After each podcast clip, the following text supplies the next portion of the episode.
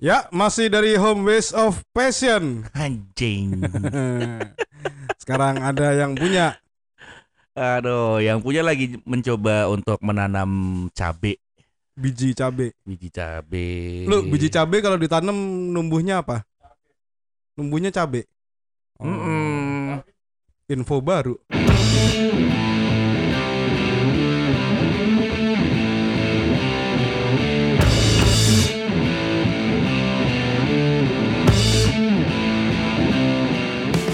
Masih dari Home Base of Passion. Males juga sih sebenarnya nyebutnya.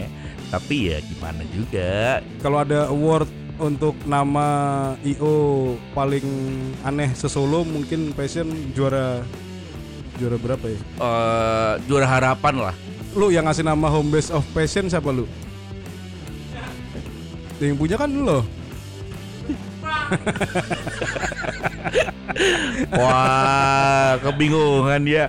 Kena, kenapa sih namanya Home Base of Passion lu?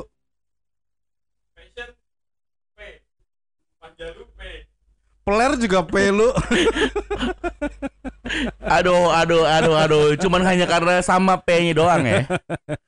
Gile. itu, Eh. itu bedanya kalau Passion itu home base, kalau Metallica itu headquarters. Emang Metallica punya headquarter? Iya ada.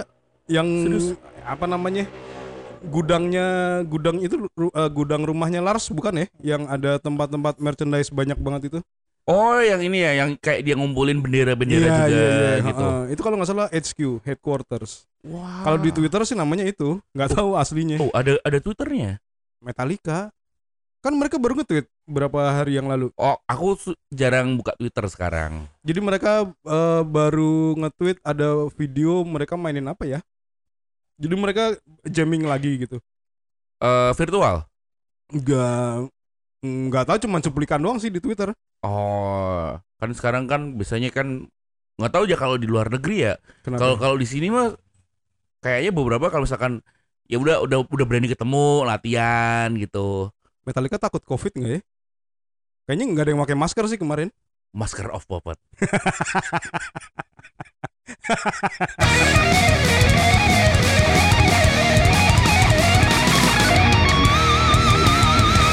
Tai, tai. Ya, bulan ini kita mengenang tujuh tahun Tujuh tahun kedatangan Metallica di Indonesia. Eh, yang kedua, Agustus ya itu ya. Agustus, Agustus Oh. 25. Yang pertama itu 93 ya. 93 itu sekarang berapa? 27 tahun. Oh iya. Ush. 27 tahun. 27 tahun yang pertama, 7 tahun yang kedua. Setelah sekian lama tujuh tahun yang lalu Metallica akhirnya datang lagi ya. Datang lagi. Tapi yang pertama nonton John Ya enggak lah. Gila ya Kali. 93 kali. Dulu apa ya? Masih inget nggak waktu 93 itu kejadiannya kayak apa? Eh kejadian. ngerti ya karena keadaannya kayak apa gitu. karena waktu tahun 93 berarti aku mungkin masih SD. sama. SD dan waktu itu enggak nggak pernah nonton berita. Jadi gua nggak tahu. Ininya nggak nggak dapat ya. Maksudnya kayak gambaran situasinya Nggak. waktu itu. Jujur waktu itu enggak. Saya cuma ingat sekali waktu itu nonton berita di mana ya? Pokoknya ada berita ada itu kerusuhan kerusuhan konser rock kalau nggak salah di mana Oh. SCTV kalau nggak salah. SCTV tahun 93 udah udah, Udah ada, sih? kayaknya udah, ya? ada. Jadi waktu itu kalau sekitar tahun segitu mungkin TVRI, RCTI, SCTV. Hmm, hmm. Itu itu doang. Cuman nggak dapat nggak dapat hype-nya karena masih ya masih SD belum sadar banget kalau oh ini harus nonton gitu. Oh, paling ah paling sih oh, ah band bule. Ah iya Bang. Band bule. Dulu malah ininya apa namanya yang terkenang justru konsernya Green Day yang apa? Di mana sih Gelora ya? Oh, Yang- yang, ini ya ya Kacanya pecah tuh. ah nah itu itu mungkin aku sedikit ngerti.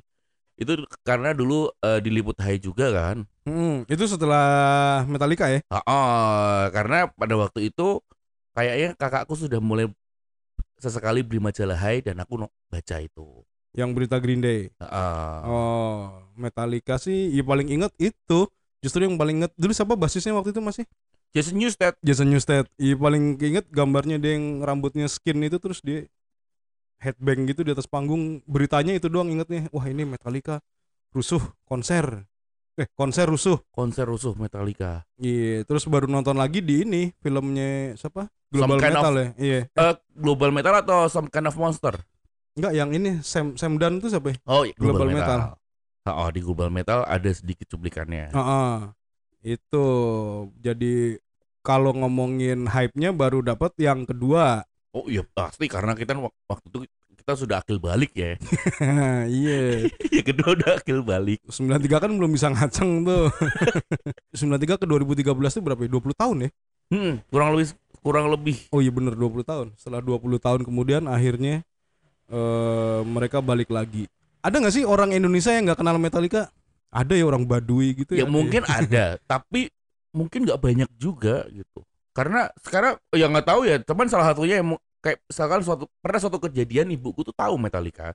No- nonton waktu itu. Eh enggak. Oh, kirain. Jadi eh waktu itu aku masih sekitar SMP ya, SMP atau SD nggak tahu. Jadi waktu itu eh eh kalau itu berarti sekitar SMP, eh, eh, SMP atau SMA. Hmm. Jadi ibuku datang ke Solo, aku nyamber ke Solo, terus eh, suatu malam aku bilang sama ibu, bu, aku tak eh, ke Singosaren ya, aku ke Singosaren gitu. Singosaren itu dulu adalah mall ya buat yang belum tahu. Eh, Enggak juga ya. Apa ya perbelanja, ya kayak mall ya dulu ya hitungannya serba ya. lah, Atau ser- serba. Cing. Iya iya iya iya. ke situ terus eh gue beli kaset pulang terus tanyain beli apaan dia oh beli ini biasa buat beli kaset gitu. Emang lagu apaan ya lagu rock gitu oh kayak Metallica ngono gitu Tapi beli Metallica waktu itu. enggak bukan Oh, kayak Metallica ngono kuwi. Iya, maksudnya Iya iya. di iya, situ iya. kan berarti kan eh, orang awam setidak, setidaknya mungkin nggak nggak nggak ngerti eh, lagunya mungkin nggak terlalu ngerti tapi setidaknya Hmm. mungkin tahu lah Metallica itu yang apa sih oh yang ini minimal tahu ya. Heeh, atau mungkin juga sebenarnya pada saat tahun 93 ketika mereka datang emang itu hype-nya gede-gedean mu- mungkin lo ya. Kayaknya sih mereka dua hari kan waktu itu Heeh. konsernya kan. Akhirnya eh, di itu nambah kan kalau nggak salah. Nambah eh, kalau nggak salah nambah. Kan yang pertama penuh terus gimana sih ceritanya? Itu eh, banyak yang nggak bisa masuk gitu ya. Terus Mm-mm. mereka mereka ini lagi konser lagi hari kedua gitu. Dan sama aja kan. Sama aja rusuh juga. Akhirnya rusuh dulu kan sih gede sih waktu itu. Kalau ngelihat dari berita-beritanya masih di Jakarta, Jakarta Selatan terutama ya, itu kelihatan banget sih. Cuman udah lupa. Waktu itu Hmm. kayak cuman nonton di berita doang. Iya dan ka- sebenarnya kalau di Nalar juga itu tahun 93 ya. Hmm. Berarti kan itu eh setelah rilis Black Album. Black Album itu 91. Kayak pokoknya pokoknya kan sekitar 9 iya 91. Oh, emang mereka di Black Album. Nah, itu dia. nah, Black mereka Album di, kan emang langsung Iya. jebret. Tapi eh dulu kena bukan kenal, maksudnya senang metal dari Metallica nggak? eh bisa dibilang jadi salah sa- salah satu yang bikin seneng tuh awalnya emang dari Metallica. Black Album bukan? Standar dia. Nah, Serius eh, kalau ngomongin Metallica emang per- pertama tahu emang dari Black Album ya. hmm, Karena waktu dulu eh zaman-zaman SD itu kayak sepupuku tuh mereka sering nyetel eh apa ada ada video, video gue lupa videonya pakai VHS apa, apa udah. VCD ya? VCD kali. Enggak kayak masih VHS. Serius. Apaan? Metallica Heeh. yang di mana? Rusia. eh ah, lupa sih. Itu kan ada dulu dulu sempat ada video yang eh, apa sih? Jadi itu kayaknya jadi kayak video wajib tahun segitu yang mereka memang manggungnya di era Black Album jadi manggungnya yang kaos hitam apa eh, polos semua gitu kan. Mm, Itu nah, sih? Itu di mana sih? eh, lupa Ingat tapi kalau dari VCD ya VCD gue masih inget ya ada ada yang VCD itu Yang salah mana? satunya adalah SNM. pas mereka apa eh, videonya mereka yang live shit and bing apa itu loh Oh, ha, ha. itu tapi kalau nggak salah itu kan video sebelum mereka rilis Black Album sih jadi waktu Oh. kayaknya Injustice for All karena backdropnya dia kan patungnya itu yang yang jatuh-jatuh oh patungnya tuh jatuh Emang ada ya orang Indonesia yang nggak kenal Metallica? Kayaknya kalau dari Black Album sih kayaknya berapa ya? 80% kali ya? Iya karena entertainment juga videonya juga waktu dulu kan juga sering banget di TV-TV eh, swasta nasional gitu. Sama ini Unforgiven. Nah, Unforgiven, Entertainment. Jadi ya sama seperti kita kan ngomongin Guns N' Roses. Nah, Gue tanya ke orang Indonesia ya, iya iya iya. misalnya iya. tau GNR gak? Minimal dia tahu Sweet Child O' Mine itu. Ini jamet dan non jamet ya. yang saking populernya ya udah semua orang kayak pasti tahu deh JNR Tapi itu emang ini sih apa jasanya Black Album itu membuat musik metal jadi eh seenteng itu bukan iya eh, lebih mudah diakses Iya, seisi listening itu gitu jadi musik metal yang enak enak banget. eh, ma- and Maksudnya nggak jelimet, eh, melodius gitu kan.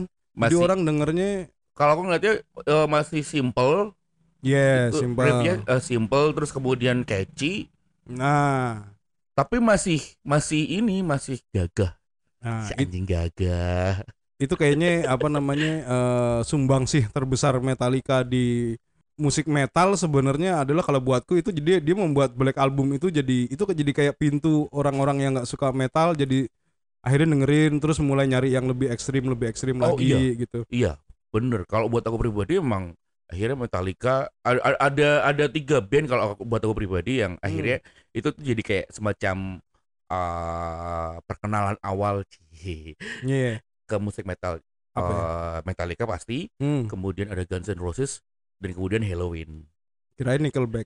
kurang jamet apa gue coba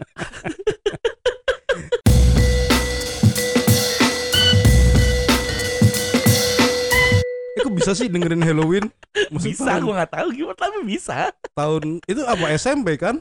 eh sebenarnya kalau SMP apa kalau SD? eh, ngomongin Halloween aku malah dari SD Maksudnya tapi yang dengerin sealbum gitu?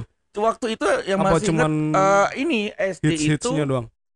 SD itu eh, sepupuku dia punya kaset Halloween live in UK Mm-mm. Dari itu, itu tapi didengerin sealbum maksudnya. Tahan. tahan tahan Iya. bos Boleh serius juga, boleh juga. Tahan. Iya, iya. yang nggak tahan tuh adalah dengerin eh, Halloween di album Chameleon nggak dengerin deh itu deh. Ampun deh.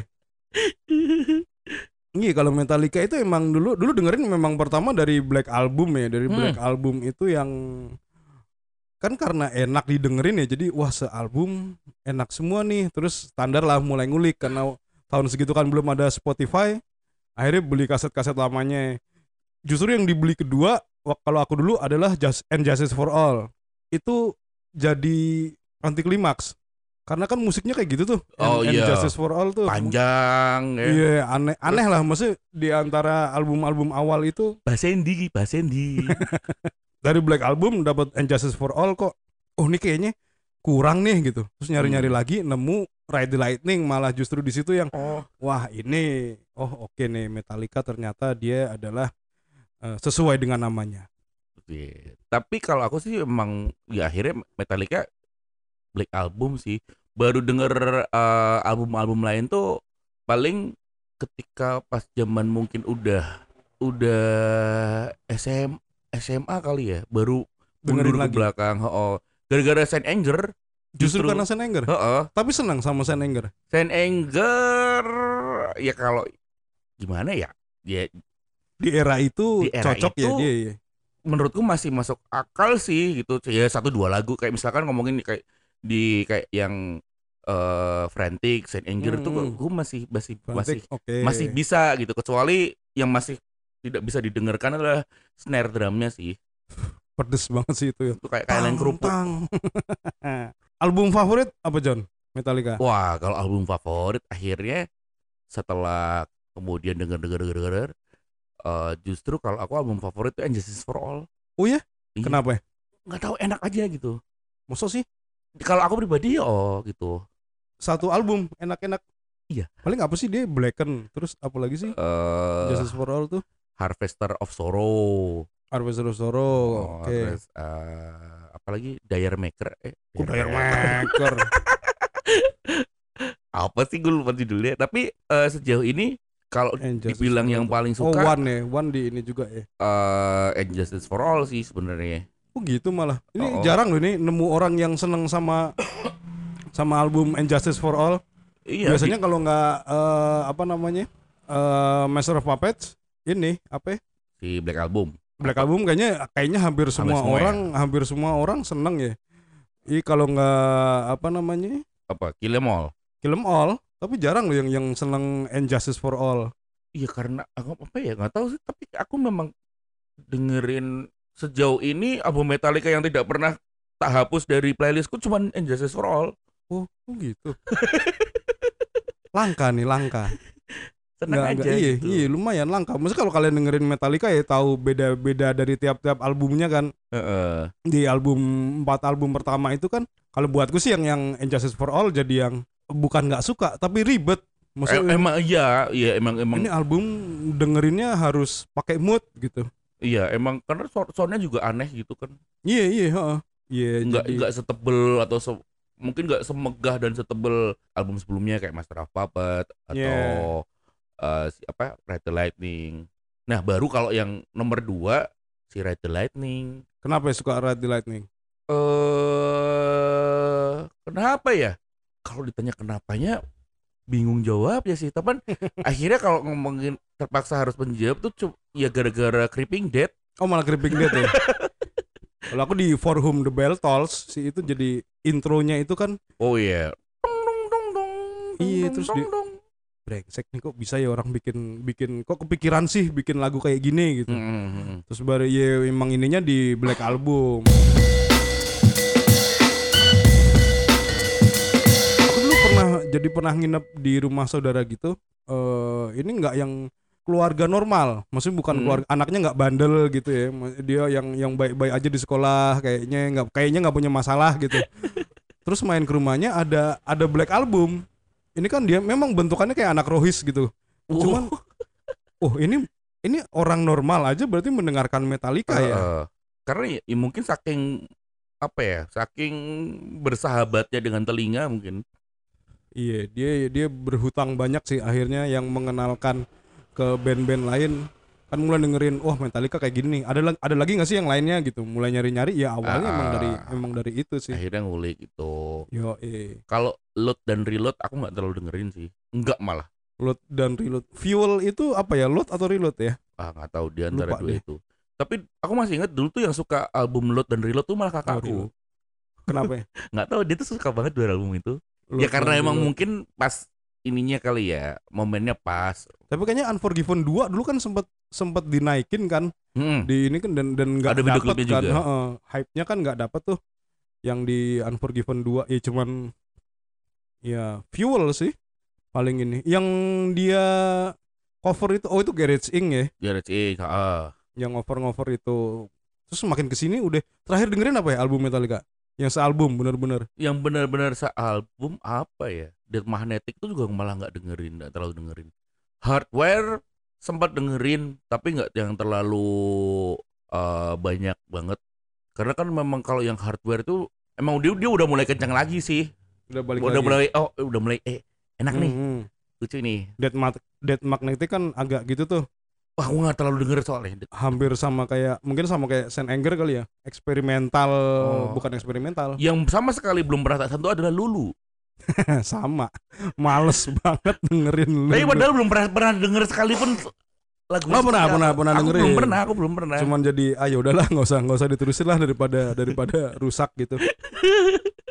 Kayak seru juga mungkin habis ini dengerin Lulu benar. Nanti kita bikin playlist aja kali ya lagu-lagu Metallica favorit biar bisa didengarkan. Oh boleh boleh entar biar bisa didengarkan sama Dave Mustaine. Tapi entah kenapa makin ke sini tuh kayaknya kalau misalkan eh, ya nonton nonton video live yang ada di YouTube ya Hmm. eh, atau mungkin lagu-lagu yang terkini terkini itu kayak James Hetfield tuh dia makin vokalnya tuh makin kayak orang-orang penyanyi country gitu ya jadi kayak gimana emang ya nggak tahu jadi lebih nyanyi Oh, oh nyanyinya tuh kayak oh, oke kayak apa ya? Ya sebenarnya udah lama sih ya, cuman makin makin aku mungkin baru-baru nyadar ya, Bu. hmm. Kayak masih kayak penyanyi country ngono ya suaranya ya. Tantowi Yahya Ya enggak, ya enggak gitu juga sih. Maksudnya penyanyi country yang memang bertenaga gitu. iya iya cuman James Hetfield itu adalah vokalis yang semakin tua semakin ganteng Oh, iya. kalau ngelihat Dan mudanya kan- powernya kayaknya nggak pernah kendor gitu. Nah, kalau ngelihat mudanya kan itu astagfirullah kalau tahu bentukannya dia waktu muda kan Oh, oh mudanya i sangat sangat apa ya? Iya sangat eh, orang menjaji kalau bahasanya wong Jawa. Semakin tua dia semakin ganteng. Nah, itu berbanding terbalik sama personil lain nih. Siapa? ya? Last Ulrich makin tua makin luput main drumnya. Oh, I- Iya namanya drummer tuh. Dia udah berapa sih umur 50 udah ada kan? Dan Kirk Hammett juga sesekali masih fales. James paling aman berarti ya kayaknya. Sejauh ini iya sih. Tapi basis setuju nggak sama Rob Trujillo? Eh eh, aku tidak bermasalah sih dengan Rob Trujillo. Cuman emang kalau kalau ngomongin selera dan enak dilihat tuh kalau aku lebih suka Jason Newsted. Sama. Itu lebih Iya, lebih itu itu Iya. formasi buatku yang itu tadi yang di tahun 93 itu kan mereka formasi itu kan jadi mereka manggungnya pakai kaos polos semua dan bentukannya kan sangar tuh tiga Hmm. tuh di depan tuh. Newsted-nya juga tinggi gede gitu. Wah, ini kayaknya keren. Iya Soalnya kalau Trujillo ada kubu yang eh, jadi nggak suka Metallica karena dia. oh, oh ya Iya ada temen gue ada kayak gitu. Jadi dia nggak yang oh udah males ah, maksudnya males ngelihat basisnya. Dengan gaya gorilanya itu kan eh, kalau di- dia bilang jadi jeglek dengan Eh, iya gaya sih. lain. secara visual iya sih. Iya. Waktu itu yang lain kan tegap, tegap ah, gitu. ah. Terus Ya, lu ngapain jongkok-jongkok? ya gitulah Pak D-nya. Tapi eh, ya kalau dari segi dilihat tuh Jason Newsted tuh emang menurutku keren sih maksudnya dia secara penampakan Iya. terus kemudian nge-backing vokal pun juga paling enak Jadi, sih Jason ah. Newsted. Itu kayak dulu Cliff Burton lebih gemuk dikit ya. Oh iya, lebih Cliff berisi. kan kurus banget tuh. Ah, lebih berisi. yang awal-awal iya.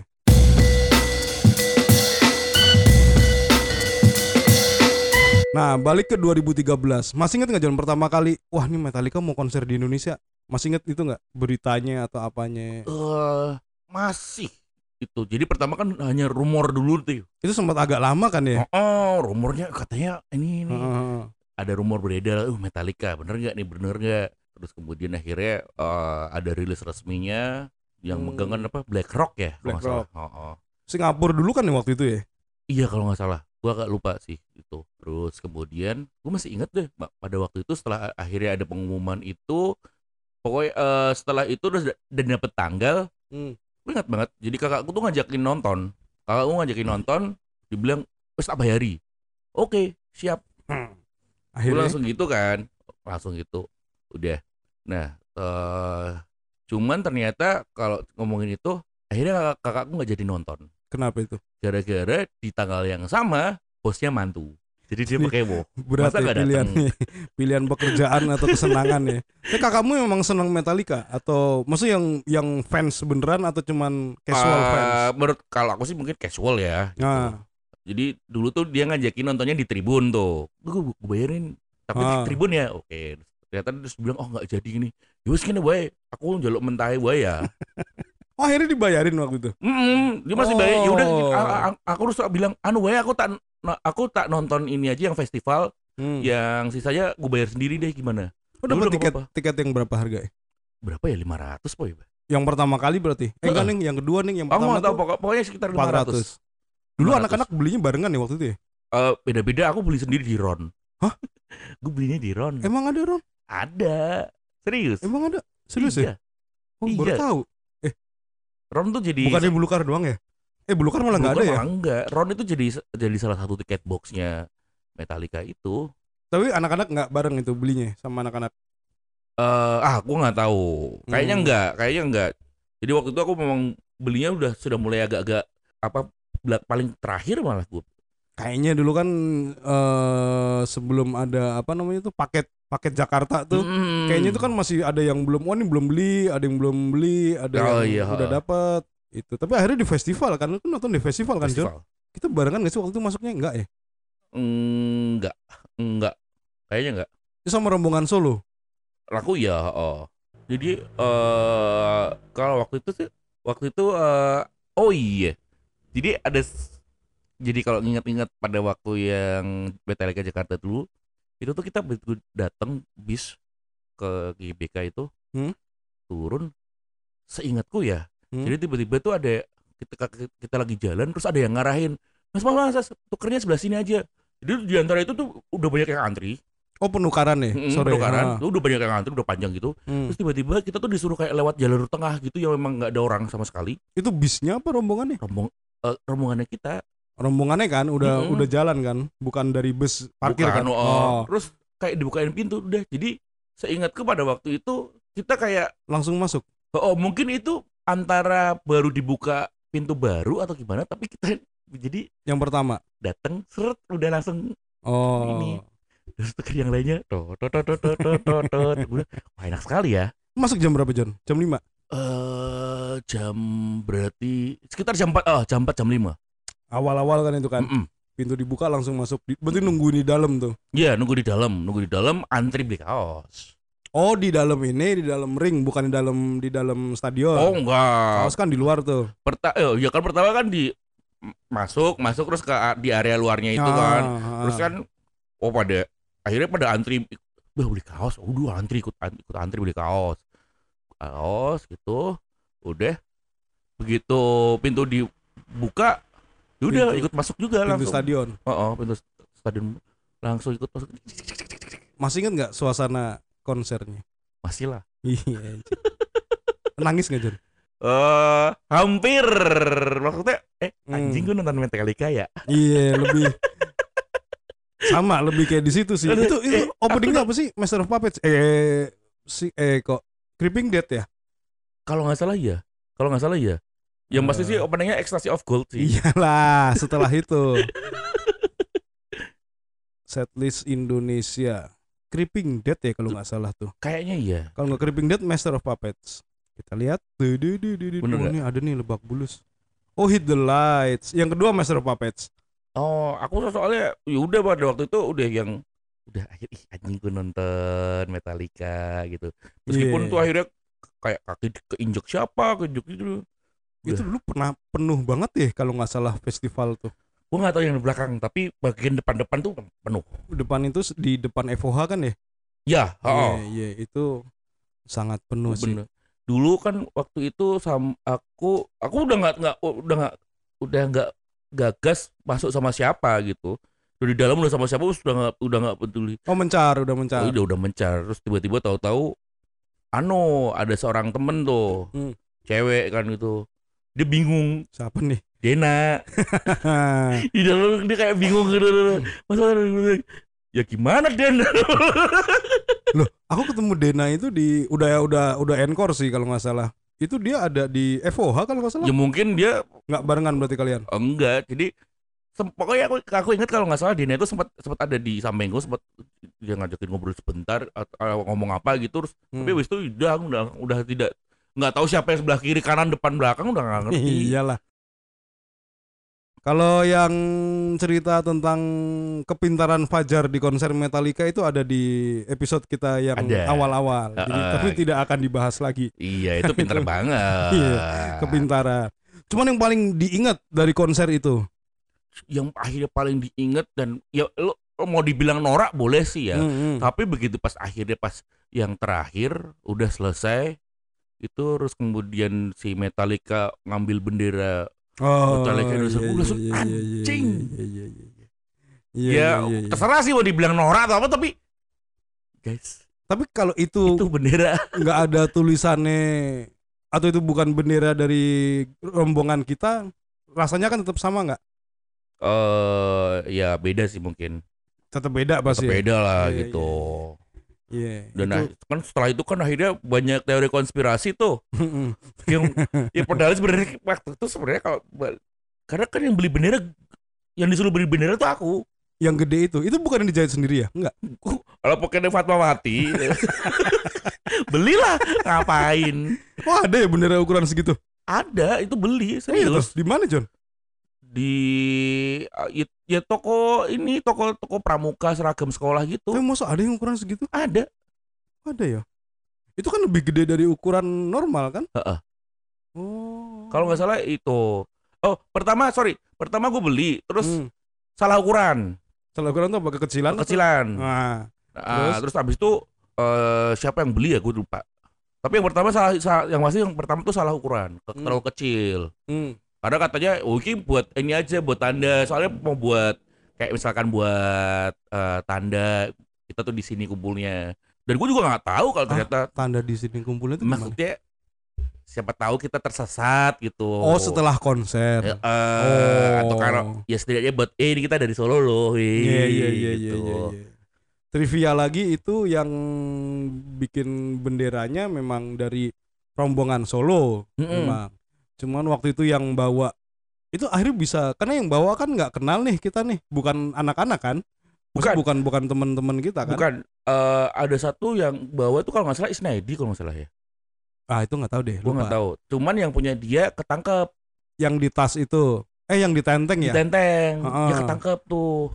ketangkep itu. Maksudnya Jadi keta- bukan ketangkep sih, maksudnya ketahuan polisi terus diambil. emang dulu ada aturannya ya nggak boleh bawa atribut gitu ya? Wah nggak tahu. Kayaknya nggak ada.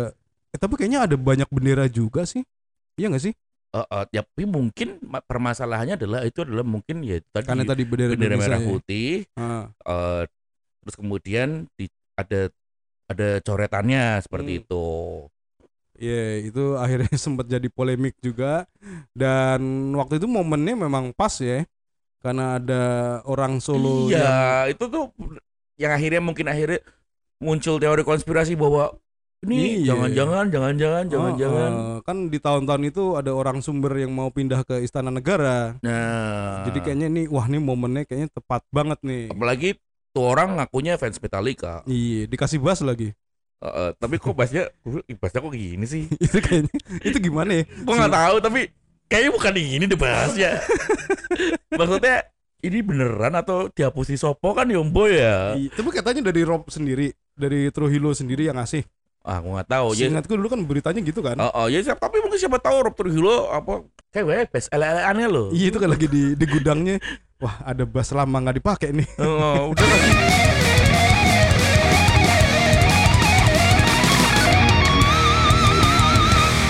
Tapi yang mungkin salah satu yang paling aku suka dari Metallica itu adalah gua nggak tahu apakah ini triknya mereka atau apa, gua nggak tahu. Hmm. Jadi setiap kali akhirnya mereka eh, habis konser di mana gitu, mereka selalu merilis ininya dalam versi digital. Kayak Live in Indonesia DVD.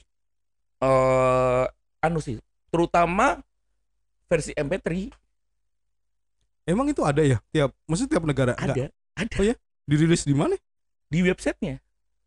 Oh tapi nggak bisa di download ya, cuman Bisa. bisa Bisa, bisa. rekaman utuh satu konser gitu. Kalau nggak salah iya. Oh gitu ya? Heeh. Oh nggak pernah buka website Metallica Hmm. sih. Baru-baru aja apa udah lama? Udah lama, Hmm. udah lama. Jadi mungkin mung- mungkin ya daripada mungkin mereka mikirnya asamnya daripada di bootleg wong liya mending tak bootleg dewe. Karuane Oh, Iya. sekalian aja. dan juga emang hasilnya bagus. Dan kan mereka kan juga paling sering rilis video live kan kalau di Iya YouTube. iya benar di YouTube. Dan Cuk. itu memang eh, kalau kayak kata Seringai di podcastnya memang salah satu band yang produksi panggungnya oke banget sih. Iya, maksudnya kita kita mikirin satu video misalkan dia live di mana tahun berapa gitu. Masih ada. Itu gue ngeditnya kapan, mixingnya kapan, ngono. Slow. dan selalu ada terus ngono lho. itu sama kayak Sam Dan nyari footage buat Global Metal kan? Dia nyari di TV-TV Indonesia nggak ada. Si Lars masih punya rekamannya di rumahnya. Berarti emang bis- Metallica ini band yang sangat senang mendokumentasikan, Mendokumentasikan. ini ya. Dulu sempat ada artikel itu yang bilang kalau Lars itu punya semua merchandise Metallica dari yang pertama kali dirilis sampai yang terakhir. Jadi dia kayak wow. itu gudang Jangan tuh nih. ya harusnya ya. Itu gudang itu gudang di rumahnya kalau nggak salah yang kayak hanggar pesawat itu Heeh. Apa di mana apa headquartersnya itu tadi itu mereka eh dia punya semua merchandise-nya Metallica dari awal sampai akhir. Jadi kalau nanti suatu saat Lars meninggal itu pasti akan geger itu sengketa warisan. Wah iya, itu dijual harganya Be, itu dibuka museum keren itu. masa langsung mikirnya didol lagi. ya ora. Kamu merasa berhutang nggak John sama Metallica? Kalau nggak ada misalkan kalau nggak ada Metallica nggak akan seperti ini nih gitu. Oh, eh, ya iya pastinya Hmm. gitu. Akhirnya berawal dari dengerin misalkan dengerin Black Album yang seperti itu terus akhirnya itu tadi mulai mencari tahu yang lain, mencari tahu yang setipe. Iya iya Terus iya. Mungkin wah ini kurang kenceng, akhirnya tarik lagi yang lebih kenceng ada nggak sih? Era kick. Ya itu jadi kayak eh, apa ya? Akhirnya jadi salah satu pintu gerbang. Mungkin bukan cuma aku tapi juga generasi-generasi yang sa- satu apa orang lain yang satu generasi dengan aku Nah, mengenal itu. musik rock dan metal bisa jadi dari lewat Metallica. Itu sampai generasi keberapa ya? Maksudnya kayak anak sekarang kayaknya udah nggak dengerin Metallica lagi kan? Untuk awal-awal karena memang zamannya juga udah nggak di situ kan. Eh nggak nggak tahu sih, tapi mungkin masih ada aja sih maksudnya. Yang ya kan mungkin apalagi sekarang kan mungkin lebih gampang ya kayak misalkan nyari Oh nyari iya. lagu dan apalagi kalau balik lagi ngomongin Black Album itu kan catchy banget. Iya, Dong benar, dong teng dong teng dong dong teng dong teng. iya. Anak kecil di Strain Entertainment juga joget-joget mungkin. Kan ada tuh yang eh, lelebay versi buat bayi. Oh, oh, apa ya? Eh kalau ngomongin Black Album, tapi sumpah paling sekarang aku paling bosan ketika dengerin Nothing Else Matter. Nggak tahu kenapa aku paling anyeli. Itu sama kayak kalau GNR dengerin November Rain mungkin ya. Ah, eh November Rain, Sweet Child of Mine kali ya. Suci Loman masih ya lumayan lah. November Rain tuh aku sebel karena kepanjangan. Apalagi Estranged. Oh, Estres, tapi tapi video klipnya keren. Wah, itu video klipnya udah anjing zaman dulu. Anjing nih film ya. Iya, dulu eh pertama ngelihat itu yang Slash keluar dari laut dia solo gitar itu, Hmm, wah keren ya. Terus kok om mikir gitarnya nggak basah ya, nggak nyetrum toh. nggak nyetrum tuh. iya. Eh sekedar, sekedar intermezzo, gue dulu pernah punya tuh VHS-nya. Yang ini Eh, eh. N' Roses dia Osaka, Osaka. Eh, Iya, Osaka. Iya, di Osaka Tokyo ya. apa pokoknya di Jepang. Heeh. Itu VCD sejuta umat dulu tuh kayaknya Gue tuh. punya VHS-nya dan itu insya Allah ori. Cuman nggak tahu di mana sekarang. VH oh VHS, kan VHS. VCD tadi. Mungkin kita harus bahas GNR suatu hari nanti. Karena kalau aku ngomong kalau ngomongin utangnya kalau di aku justru lebih gede GNR daripada Metallica. Oh, aku- Nah, ada nggak ya orang yang benci Metallica? eh nggak tahu. Tapi aku berasumsi bahwa mungkin membenci Metallica biar kelihatan keren aja. Sama kayak orang benci sama Hindia. Ya, bisa jadi karena saking populernya Metallica ya. Oh, Wah, iya. nggak suka, nggak suka Metallica. Kenapa? Iya, iya. Ah, musiknya cemen. iya, iya. Tapi ini klari- klarifikasi, kita tidak menyamakan Metallica dengan Hindia, oke? Wah, iya udah daripada ntar, wah ini podcast ini lah nyama-nyamain Metallica sama India nih. Wah, nggak seimbang.